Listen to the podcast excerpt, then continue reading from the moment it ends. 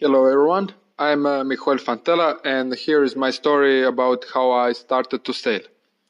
I started sailing when I was six. I was in sailing club with my brother and father.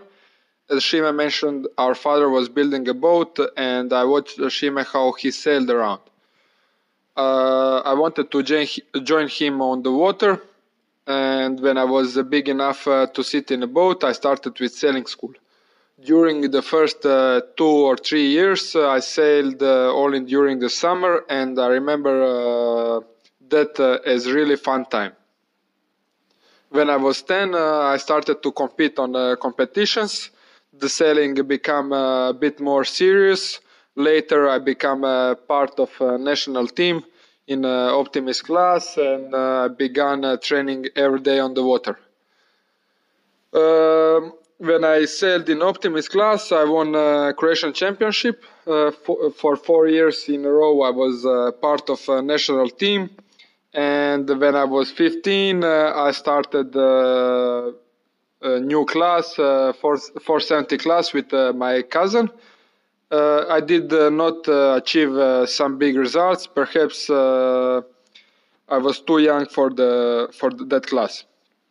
However, after uh, two years, I split with my cousin and decided to sail in RS:X class, which was a totally different type of sailing from uh, the one I knew before.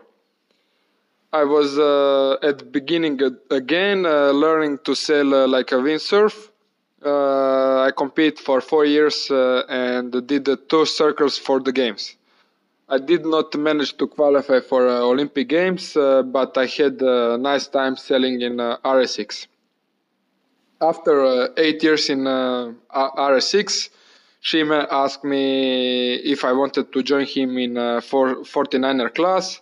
It was uh, middle of 2017, and we started with trainings in 49er 49er. Uh, 49er is a double-handed boat. Uh, it's a pretty fast boat.